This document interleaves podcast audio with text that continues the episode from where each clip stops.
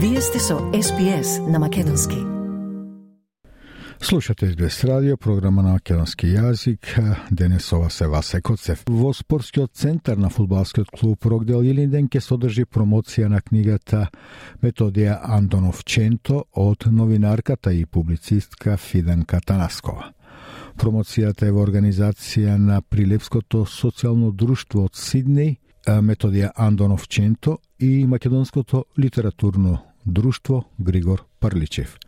Книгата е преведена и на англиски јазик, а ќе ја промовира магистер Душан Ристески. За овој настан, но и за активностите на Прилепското социјално друштво, разговараме со Оливер Димовски, председател на друштвото. Господине Димовски, добро дојдовте на програмата на СБС радио, програма на македонски јазик. Денес ќе се одржи промоција на книгата Методија Андонов Ченто. Каде ќе се одржи промоцијата? Најпрвен поздрав до во студиото СБС на македонски јазик, а поздрав до сите слушатели. Идејата дојде по, по покана од Македонското литературно друштво Глигор Прличев од Сиднеј. Ние имаме долга и успешна соработка. И така, низ еден разговор се дојде до идеја да оваа книга за методи Андонов Ченто се препечати, се преведе на англиски и да се испечати на два јазици во поголем тираж на примероци. Книгата е издадена во 90-те години од самостојувањето на Македонија, а меѓутоа не беше толку многу промовирана на овие простори. Сега се дојде како една идеја за оваа книга да се промовира на овие простори а, и на македонски и на англиски јазик, така да да се улови она публика од двата јазици, така наречено, и да ете така да им се прераскаже приказната за првиот председател на Независна Република Македонија Методи Андонов Ченто. Автор на книгата е господја Фиданка Танаскова. Да, господјата Фиданка Танаскова е долгогодишен новинар и публицист. Има издадено повеќе книги и еве како едно најврвно дело е ова, така да речем, една биографија за Методи Андонов Ченто. Рековте дека тоа е во соработка и со Македонското литературно друштво Григор Прличев од Сиднеј. Промотор ќе биде господинот Душан Ристевски. Да, точно тој е а, истовремено и председател на Македонското литературно друштво Григор Прличев од Сиднеј. Ние имаме заедна и успешна соработка долги години и сега како две друштва се споевме заедно. Ние сме главен спонзор на, на издавањето на оваа книга, а издавачи се литературното друштво Григор Прличев така да ете оствариме една многу успешна соработка. И каде ќе биде промоцијата? Промоцијата одлучивме да биде покрај сите други места, одлучивме да биде во спортско-рекреативниот центар Илинден. Промоцијата ќе биде вечерова, со почеток во 18:30 часот. Повелете сите се добре дојдени на таа промоција. Имаме покането гости, имаме покането специјални гости и па се надевам дека ќе имаме успешна вечер сигурно нека ликот и делото на Методи Андонов Ченто ќе привлече и поголем број македонци од Сидни.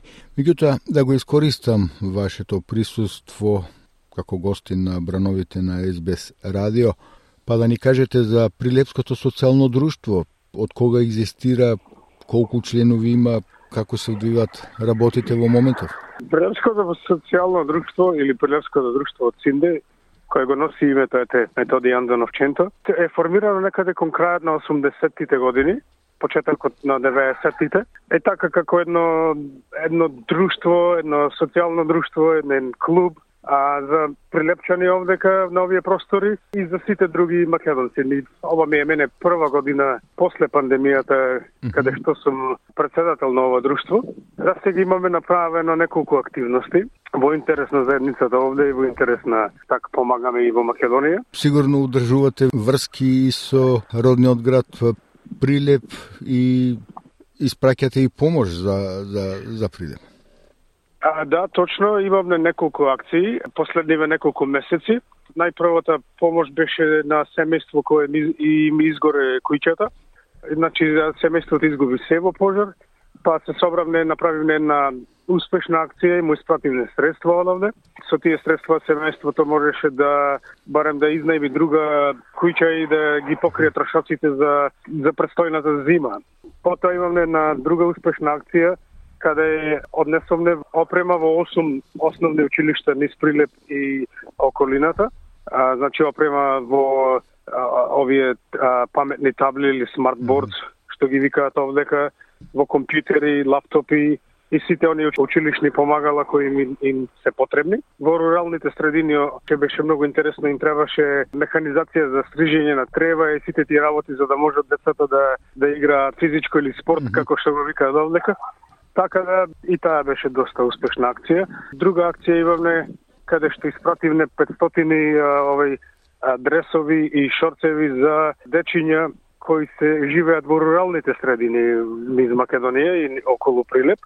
Е, најпоследна акција е исто така на семејствата кои изгубија а ова, овие се други семејства, четири семејства изгубија којчи во пожар, едно по друго, во големиот пожар што го зафати Прилеп. Таа акција се уште ја водиме, ама ете собравме неколку средства, пак ќе ги донираме на, на семејствата директно.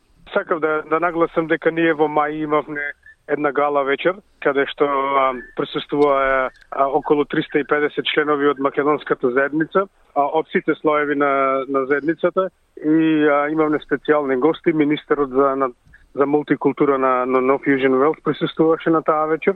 Се извинувам, токму тоа сакав и да прашам, тоа беше и моето следно прашање за соработката на друштвото со австралиските институции за оно подобро етаблирање во австралиското општество.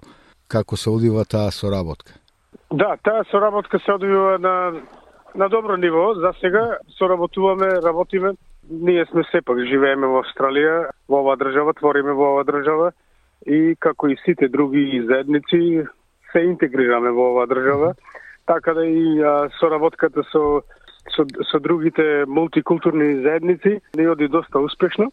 Се надевам понатаму дека ќе имаме и заеднички проекти во интерес на, на нашата заедница, во интерес на, на обштеството. Да, и токму овде спаѓа и ова средба каде што госте ми беше и министрот за мултикултура на Нов Јужен Вилс, господинот Марк Кјури. Да, точно. Тој беше воодушевен од таа, таа средба, мислам од средбата со македонската зедница. Нашата зедница му е него добро позната, мислам тој живее во електорат каде што живеат и македонци, како и сите други. Ние правиме за денот на востанието правиме уште една гала вечер, да го прославиме денот на македонското востание на 8 октомври и имаме најава дека министерот ќе присуствува а и некои други, ете така, представници од културно-политички живот на Австралија. Така да за нас е тоа еден мал ете успех. Е сега, накратко, пандемијата со COVID-19, како се одрази врз работата на социјалното друштво Методи Андоновченто? Да, како ние, како и сите други, како еден сегмент од австралиското општество, нели бевме зафатени со ова светска пандемија, така да сите активности беа застанати. Паузиравме, ете да речеме, во наводници неколку две-три години. Јас и тогаш и не бев, бев дел, mm -hmm. го помагав друштвото. Друштвото имаше друг председател кој успешно го водеше. Ние соработувавме заедно. После тоа ми беше понудено мене, ете така еден, еден избор се направи, па јас ете со задоволство прифатив да да дојдам во ова друштво да видиме ако може да направиме нешто така позитивно за македонската заедница воопшто. Да, секако има многу области, многу полиња каде што може да се направи повеќе во корист на македонската заедница. Ете сега олабавија и мерките после заклучувањата, услови за работа непречени. Се надевам дека ќе имате успешна работа, успешно действување. Ви благодарам за разговорот и уште еднаш да повториме дека вечерва во спортскиот комплекс Илинден ќе биде одржана промоција на книгата Методија Андонов Ченто. Господине Димовски, благодарам за разговорот.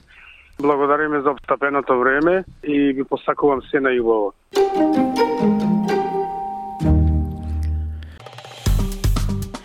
Стисни ми се допаѓа, споделете, коментирајте. Следете ја SPS на Македонски на Facebook.